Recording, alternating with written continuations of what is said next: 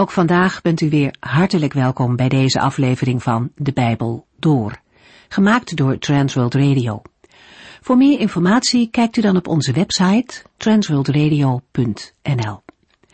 In deze serie gaat u in vijf jaar tijd met ons de Bijbel door, van Genesis 1 tot en met het laatste vers in Openbaring 22. Mocht u meer informatie willen hebben over het werk van Transworld Radio of over deze serie, kijkt u dan op onze website transworldradio.nl of belt u overdag met 0342 478432. Onze vorige uitzending begon met een gedeelte over de antichrist. Dit naar aanleiding van de vier dieren die Daniel in een droom uit de Volkerenzee op zag komen. Het vierde dier stond symbool voor het Romeinse Rijk. Het heeft tien horens, symbolen van macht en stootkracht. Na de tiende horen ziet Daniel echter een elfde opkomen, die groeit en groter wordt dan de andere tien. Die elfde hoorn voert heerschappij totdat het gericht komt, dus tot de oordeelsdag. Uit vergelijking met andere bijbelgedeelten zien we dat die elfde hoorn de persoon en het rijk van de antichrist voorstelt. Het vierde rijk omvat een periode van onze jaartelling tot aan de dag van het laatste oordeel. De tijd van het vierde dier zelf hebben we gehad. We leven in de tijd van de tien horens, de machten in deze wereld, tussen het Romeinse Rijk en dat van de antichrist in. En tenslotte zal die elfde hoorn verschijnen. Het zal een tijd van grote angst zijn, vooral voor Gods volk. Er zal zware vervolging zijn, maar ook veel afval en ontrouw aan de Here. Voor de trouwe gelovigen zal het een moeilijke tijd zijn. De antichrist zal God met grote mond lasteren en oorlog voeren tegen zijn volk. Hij zal proberen alle wetten, regels en gebruiken te veranderen. Hij is een religieus figuur die streeft naar wereldmacht. En hij wil de wetten van God vervangen voor de wetten van de mens, dat wil zeggen door wetteloosheid en normloosheid. De remmen moeten los. In onze tijd zien we al wel symptomen van dit rijk. Gods gedachten over het huwelijk, het gezin, zijn woord, ze liggen enorm onder vuur. En God laat het toe. Hij laat ook een periode in de eindtijd toe waarin de antichrist lijkt te overwinnen. Maar God heeft het laatste woord. Het visioen van Daniel verandert. Hij krijgt een blik in de hemel, waar een rechtszaal te zien is en tronen worden klaargezet. Dan ziet hij hoe een hoogbejaarde, ook een oude vandaag genoemd, plaatsneemt. De rechter. Daniel ziet de Heere in zijn majesteit. Tegenover dat angstaanjagende beeld van de vier dieren ziet hij nu de ontzagwekkende verschijning van de Heere. De boeken gaan open en het is gedaan met de macht van het laatste dier. Hij wordt gedood. We lezen verder vanaf dat moment in Daniel 7, vers 13. De vorige uitzending moesten we stoppen bij Daniel 7, vers 13 en 14. Laten we de versen nog een keer lezen. Daarna zag ik in mijn droom de aankomst van iemand die eruit zag als een mensenzoon. Hij kwam op de wolken van de hemel en werd naar de hoogbejaarde geleid. Hij ontving macht en heerschappij om te regeren en werd overladen met eerbewijzen. Mensen van allerlei verschillende volken en talen dienden hem. Hij zal eeuwig heersen en aan zijn macht zal geen einde komen. Zijn koningschap is zo geweldig dat het nooit ten val zal komen. In de vorige uitzending hebben we gelezen dat de Heer Jezus zichzelf aanduidt als de mensenzoon. De naam spreekt van lijden, kruis, dood en graf. De mensenzoon komt te midden van de woedende dieren. Hij komt waar het vuur van Gods toorn laait en waar het oordeel wordt voltrokken. De mensenzoon, die in deze weg het rijk van de duisternis heeft overwonnen, en komt met de troost van de vrijspraak van overtreders en zondaars. Schuldigen die hun vertrouwen stellen op Jezus Christus worden vrijgesproken in het gericht vanwege zijn volbrachte werk. De mensenzoon is de naam die spreekt van vernedering, maar ook van heerlijkheid en eer. zoals uit vers 14 duidelijk blijkt. Hij is de triomferende, die de hemel heeft tot zijn paleis en de wolken tot zijn wagen. Hij is de heiland, die alle macht heeft in hemel en op aarde, en die in het groot heelal het rijk van de duisternis zal beschamen, tot het niet meer wezen zal. Hij is Gods troostrijke antwoord in een wereld met woedende dieren en met het oog op het komende gericht. Zijn openbaring is een grote troost. De enige vraag die nu nog overblijft is, voor wie is de openbaring van de mensenzoon een grote troost? Wie worden verlost uit de klauwen van het beest en ontvangen vrijspraak in het eindgericht? Uit Daniel 7 krijgen we de indruk dat deze vragen voor Daniel niet direct vragen zijn geweest, en zeker niet de eerste. Het merkwaardige feit doet zich voor dat Daniel in de beschrijving van zijn visioen alleen maar spreekt over de dieren, over de rechter en over de mensenzoon. In de samenvatting die hij in vers 19 tot en met 22 geeft, lezen we zijdelings dat Daniel wel mensen heeft gezien. In vers 21 en 22 spreekt hij over de heiligen, die verslagen worden en toch heersen zullen. Maar dan krijgen we nog de indruk dat Daniel dat alleen doet, omdat de hemel daar nadrukkelijk aandacht voor heeft gevraagd in vers 18. Daniel zegt als het ware in vers 18, ja, dat heb ik wel gezien, maar ik zit vooral met het vierde dier. De mensen zijn voor Daniel niet het eerste. Het gaat hem om de grote strijd tussen het koninkrijk van God en de koninkrijken van de wereld. Hoe loopt die strijd af? Komt de Heere wel aan zijn eer? Daar zit iets moois in, zoals er ook iets moois zit in het feit dat de hemel daartegenover zegt, dit is het belangrijkste. Daarna zal het heilige volk van God, de Allerhoogste, de macht krijgen en de wereld voor altijd regeren, tot in alle eeuwigheid. Maar wie zijn die heiligen? In vers 18, 22, 25 en 27 worden ze genoemd. Het heilige volk van God. In vers 25 lezen we, hij zal tekeer gaan tegen God de Allerhoogste en zijn heiligen achtervolgen. We kunnen ook lezen de heiligen van de Allerhoogste. Een naam waarmee de Heere meermalen wordt aangeduid in het Bijbelboek Daniel. Onder het heilige volk van God moeten we dan verstaan allen die de Heere toebehoren en zijn eigendom zijn.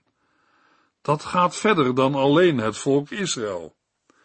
In het licht van de wederkomst van de mensenzoon gaat het over de gemeente van Christus uit Joden en niet-Joden. Zij kunnen op grond van Christus als het heilige volk van God worden aangeduid. Zij zijn niet heilig vanuit zichzelf, maar door Christus. Luisteraars, wij zijn altijd weer geneigd om van het woord heilig te schrikken.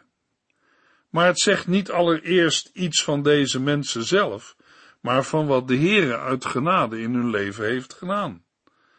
Van nature leefden zij net als alle andere mensen in de wereld van het beest. Ook zij komen eruit voort, zij hoorden erbij. Maar de Heere heeft hen uit die wereld geroepen en van die wereld afgezonderd om de levende God toe te behoren en te dienen. De apostel Paulus schrijft aan de gelovigen in Efeze, in Efeziërs 2, vers 1 tot en met 7, ook u bent door hem tot leven geroepen, u die eigenlijk al dood was, omdat u niet leefde zoals God wilde. U liep met de grote massa van deze wereld mee en deed dezelfde slechte dingen als zij. U gehoorzaamde de duivel, de leider en vorst van de geestelijke machten in de lucht, die nu nog actief is in de mensen die God ongehoorzaam zijn. Zo was het ook met ons. Wij hebben allemaal aan onze slechte begeerten toegegeven. We hebben allemaal gedaan wat ons egoïsme ons ingaf. Door naar onze eigen natuur te leven, waren wij van nature onderworpen aan Gods toorn. Maar Gods liefde voor ons is zo groot dat Hij ons volledige gratie heeft verleend, zelfs al waren wij door onze overtredingen dood voor Hem. Hij heeft ons samen met Christus levend gemaakt. Wat een genade! Dat u gered bent, is enkel en alleen genade van God. Hij heeft ons, die één met Jezus Christus zijn, samen met hem levend gemaakt en ook met hem een plaats in de hemel gegeven. Door in de persoon van Jezus Christus zo goed voor ons te zijn, heeft God voor altijd laten zien hoe oneindig groot zijn goedheid is. Alle gelovigen hoorden van nature bij de wereld waaruit de dieren opkomen. Maar de mensenzoon heeft hen uit de aarde gekocht met de dure prijs van zijn leven. Daarom dragen ze niet het merkteken van het beest uit de zee. Maar daar betalen zij een prijs voor, want de wereld die hun meester heeft gehaat, haat ook hen. Ze worden buitengeworpen en buitengesloten, zoals Jezus Christus buitengeworpen werd. Maar ze hebben het lam leren volgen waar hij ook heen gaat. Want ze hebben ontdekt dat er in zijn bloed verzoening is voor hun zonde, en dat achter zijn bloed een schuilplaats is tegen het oordeel en het verderf. Ja, ze hebben bovenal ontdekt dat Christus, het lam van God, sterker is dan alle leeuwen, beren en wilde dieren, en dat hij, die zijn leven voor hen overgaf en opofferde, zijn volgelingen veilig zal brengen naar zijn eeuwige toekomst. Daar zal hij hen doen uitrusten in een groene weide, en wijst hij de weg langs kabbelende beekjes. Bij hem, hun meester en goede herder, voelen zijn volgelingen en schapen zich veilig, omdat hij hen verzekert. Wees niet bang, ik ben de eerste en de laatste, ik ben de levende, ik ben dood geweest, maar nu leef ik, voor altijd en eeuwig. Ik heb de dood en het doodrijk overwonnen. De volgelingen van Jezus Christus weten, zijn trouw zal nooit onze val toestaan. Hij zal ons de eerkroon doen dragen, en wij leggen die kroon aan zijn voeten. Ere zij aan God de Vader, de Zoon en de Heilige Geest. Vanuit zijn rust en vrede zullen zij met hem als koningen heersen. Dat blijkt ook heel mooi uit wat er staat in vers 14 en vers 18 en 27. Want in vers 14 lezen we dat het koninkrijk gegeven wordt aan de mensenzoon. En in de versen 18 en 27 lezen we dat het koninkrijk gegeven wordt aan de heiligen. De mensenzoon krijgt het koninkrijk. Hij heeft er recht op, op grond van het werk dat hij volbracht en de overwinning die hij heeft behaald. Het koninkrijk is van hem, maar hij geeft het aan hen die hij gekocht en betaald heeft met zijn verzoeningsoffer aan het kruis, aan zijn volk, de schapen van zijn weide. Zij mogen met hem en om zijn het wil als koningen heersen. Dat hebben ze niet verdiend. In de Hebreeuwse tekst van Openbaring 4 vers 10 lezen we dat de 24 ouderlingen zich in aanbidding voor de Heere neerwerpen en hun kronen voor de troon neerleggen en beleiden in aanbidding en verwondering, Heer onze God, u bent alle lof, eer en macht waard. En in openbaring 5 vers 9 en 10 zingen zij een nieuw lied, want u bent geslacht en hebt met uw bloed mensen voor God vrijgekocht uit alle rassen, volken, stammen en taalgroepen. U hebt hen bijeengebracht in een koninkrijk en hen tot priesters van onze God gemaakt, en zij zullen op de aarde heersen. Vandaar dat het slot van vers 27 ook niet zegt dat de heiligen gediend zullen worden, maar alles en iedereen zullen hem dienen en gehoorzamen. Daniel 7 vers 15 en 16 Ik, Daniel, was diep onder de indruk door alles wat ik had gezien, en de visioenen brachten me in verwarring. Daarom ging ik naar een van de omstanders en vroeg hem naar de betekenis van dit alles. Hij legde het mij uit. Wij begrijpen dat, na alles wat Daniel heeft gezien in de visioenen, hij graag wil weten wat de betekenis van dit alles is. Ook na de verklaring van de engel, een van de omstanders, lezen we in vers 28, dit was het einde van de droom. Bij het ontwaken verkeerde ik, Daniel, in grote verwarring. Ik was helemaal ondaan, maar vertelde niemand wat ik had gezien. In de Hebreeuwse tekst lezen we, deze woorden bewaarde ik in mijn hart. Dat is kenmerkend voor een gelovige. Gods woord gaat niet het ene oor in en het ander weer uit, maar wordt bewaard in het hart. Ter overdenking en bemoediging, mogelijk vermaning om op de weg van de Here te blijven en niet naar rechts of links af te dwalen. Het woord van de Heer is een houvast in het dagelijks leven en geeft hoop en uitzicht voor de toekomst. Het woord van God mag een gelovige bewaren als een schat. Met de reformator Maarten Luther zingen wij het mee. Gods woord houdt stand in eeuwigheid en zal geen duimbreed wijken. Beef, Satan, hij die ons geleidt, zal u de vaan doen strijken. Del vrouw en kinderen het graf, neem goed en bloed ons af, het brengt u geen gewin. Wij gaan ten hemel in en erven koninkrijken. In Daniel 7 zien we dat de mensenzoon, de zoon van God, met gezag wordt bekleed, om de koninkrijken van deze wereld te vernietigen en zijn koninkrijk te vestigen. We zagen al eerder dat de Heer Jezus naar Daniel 7 verwees, toen hij onder ede werd geplaatst bij zijn verhoor voor het Sanhedrin. In Marcus 14, vers 61 en 62 vroeg de hoge priester, Bent u de Christus, de Zoon van God? Ja, zei Jezus, dat ben ik. En u zult de mensenzoon zien zitten aan de rechterhand van God. En u zult hem ook zien terugkomen op de wolken aan de hemel. In Lucas 1, vers 32 profeteerde de engel Gabriel tegen Maria. Hij zal een groot man zijn en zoon van de Allerhoogste worden genoemd. God, de Heere, zal hem de troon van zijn voorvader David geven. Daarom hebben de uitspraken van Daniel over de mensenzoon duidelijke betrekking op de Heer Jezus Christus. We zagen al eerder in het Bijbelboek Daniel dat Jezus Christus ook de steen is, die zonder mensenhanden losraakte van de berghelling en het grote beeld verwoestte. Hij zal zijn koninkrijk hier op aarde vestigen. In Psalm 2 vers 7 lezen we, de uitverkorene van de Heere antwoordt vervolgens, ik zal de eeuwige bedoeling van de Heere bekendmaken, want hij heeft tegen mij gezegd, jij bent mijn zoon, ik heb je vandaag het leven gegeven. Deze laatste woorden verwijzen naar de opstanding van Christus, niet naar zijn geboorte in Bethlehem.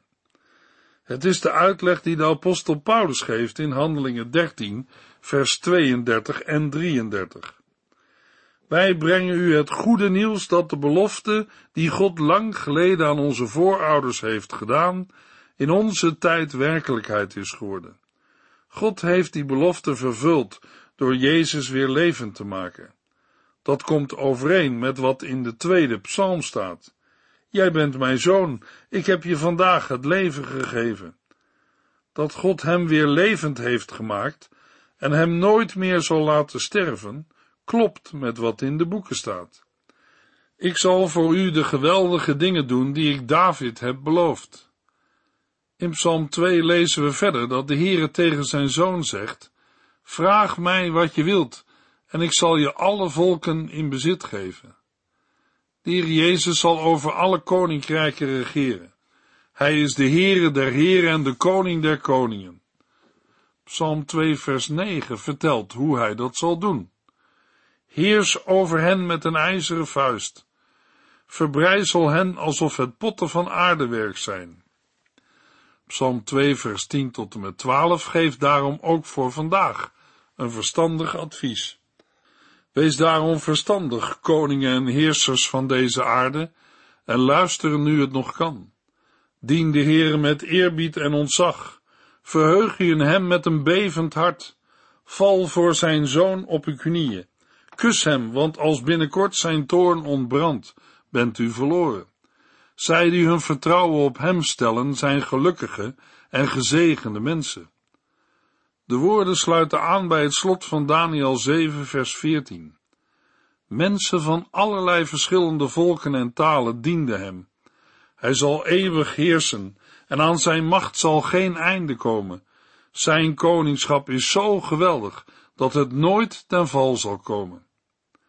In vorige uitzendingen hebben we al aandacht gegeven aan de uitleg die Daniel kreeg. Nu willen we het gedeelte als geheel nog een keer lezen. Daniel 7, vers 15 en 16. Ik, Daniel, was diep onder de indruk door alles wat ik had gezien, en die visioenen brachten me in verwarring. Daarom ging ik naar een van de omstanders en vroeg hem naar de betekenis van dit alles. Hij legde het mij uit. Zoals de dromen van Nebukadnessar Daniel verontrusten, zo is dat ook met die visioenen die Daniel zelf van de Heer ontvangt. Daarom benadert Daniel een van de omstanders en vraagt hem om uitleg. Daniel 7, vers 17. De vier grote dieren, zei hij, verbeelden vier koningen die uit de aarde zullen opkomen en heersen. We hebben gezien dat deze vier dieren niet alleen koninkrijken verbeelden, maar ook koningen. Daniel 7, vers 18. Daarna zal het heilige volk van God, de Allerhoogste, de macht krijgen en de wereld voor altijd regeren, tot in alle eeuwigheid. Over de identiteit van het heilige volk van God hebben we al gesproken in het voorgaande.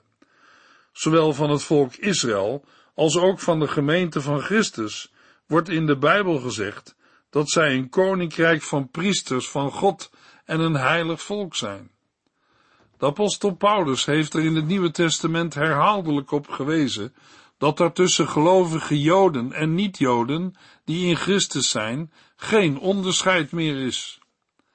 Het heilige volk van God wordt in vers 18 ook verbonden met de eindtijd, en wel met de periode waarin zij de wereld voor altijd zullen regeren. Dat kan niet anders zijn dan onder de heerschappij van Christus, waarbij de gelovigen, Joden en niet-Joden, samen met Christus zullen regeren. Helaas moeten we constateren dat onder christenen op dit punt geen eenheid is met betrekking tot de uitleg. Daniel 7, vers 19 en 20. Toen vroeg ik wat dat vierde dier te betekenen had, dat zo verschilde van de andere dieren en er zo gruwelijk uitzag met zijn ijzeren tanden en koperen klauwen, waarmee hij zijn voedsel verscheurde en het overige vertrapte onder zijn poten. Ik vroeg ook naar de betekenis van de tien horens op zijn kop en van die ene hoorn die later opkwam en waarvoor er drie uitvielen en waarom hij ogen had en een mond die brallerige taal uitsloeg, en waarom hij groter was dan de anderen. Dat het vierde dier koperen klauwen had, is een bijzonderheid die in vers 7 niet werd vermeld. Het versterkt het verwoestende van het vierde dier. En wordt in wat volgt bevestigd. Koperen klauwen, waarmee hij zijn voedsel verscheurde en het overige vertrapte onder zijn poten. Alles spreekt hier van macht en vreedheid van het Romeinse Rijk. De Romeinse machthebbers verwierpen de Zoon van God. Jezus werd door een Romeinse rechtbank ter dood veroordeeld. In het Romeinse Rijk werden de christenen wreed vervolgd. Over de tien horens hebben we het al gehad, als ook over de tijd van het einde, waarin drie van de horens zullen vallen, en de kleine hoorn die steeds groter werd, en de verpersoonlijking van de mens van grote zonde, de antichrist en het beest uit openbaring 13. Daniel 7 vers 21 en 22. Want ik had gezien dat deze hoorn vocht tegen de heiligen en van hen won, tot de hoogbejaarde kwam en zijn heilige de overwinning gaf. Wat er in de wereld ook gebeurt of nog gaat gebeuren, de Heere heeft de controle en hij bepaalt wat er gaat gebeuren. De versen 21 en 22 geven ook aan dat het voor christenen geen gemakkelijke tijd zal zijn. In openbaring 13 lezen we dezelfde dingen. Vers 7. Het beest mocht oorlog voeren tegen het volk van God en het overwinnen. Hij kreeg macht over alle landen en volken. Dat mensen van alle tijden tot gruwelijke dingen in staat zijn, heeft de geschiedenis van de wereld helaas al vele malen bewezen. Toch zal de antichrist er nog een schepje bovenop proberen te gooien. Hij zal naar de wereldmacht streven en wereldheerser nummer één willen worden. In openbaring 13 vers 6 lezen we dat hij de Heere op een grove wijze zal lasteren. En hij deed zijn muil open en braakte de grofste beledigingen uit tegen God, tegen zijn naam, tegen zijn tempel en tegen allen die in de hemel woonden.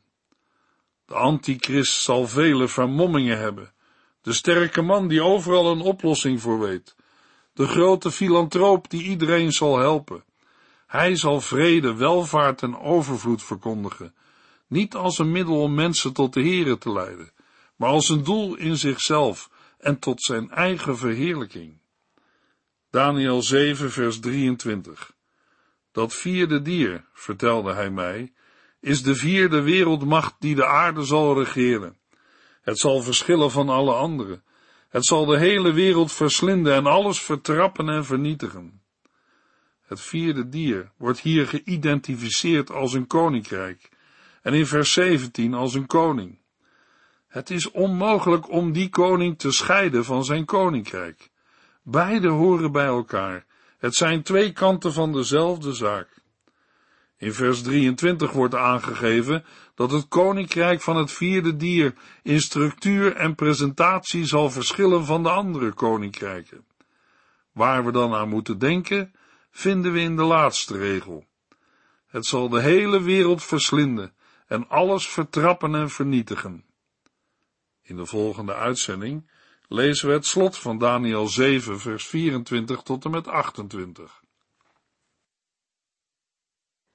U heeft geluisterd naar De Bijbel Door, in het Nederlands vertaald en bewerkt door Transworld Radio. Een programma waarin we in vijf jaar tijd de hele Bijbel doorgaan. Als u wilt reageren op deze uitzending of u heeft vragen, dan kunt u contact met ons opnemen. Tijdens kantooruren kunt u bellen op 0342 47 8432.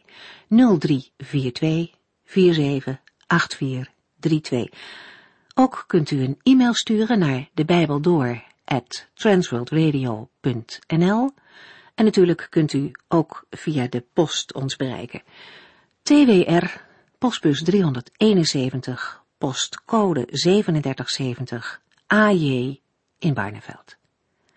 Dit programma werd gepresenteerd door Cor Weda en Ike André.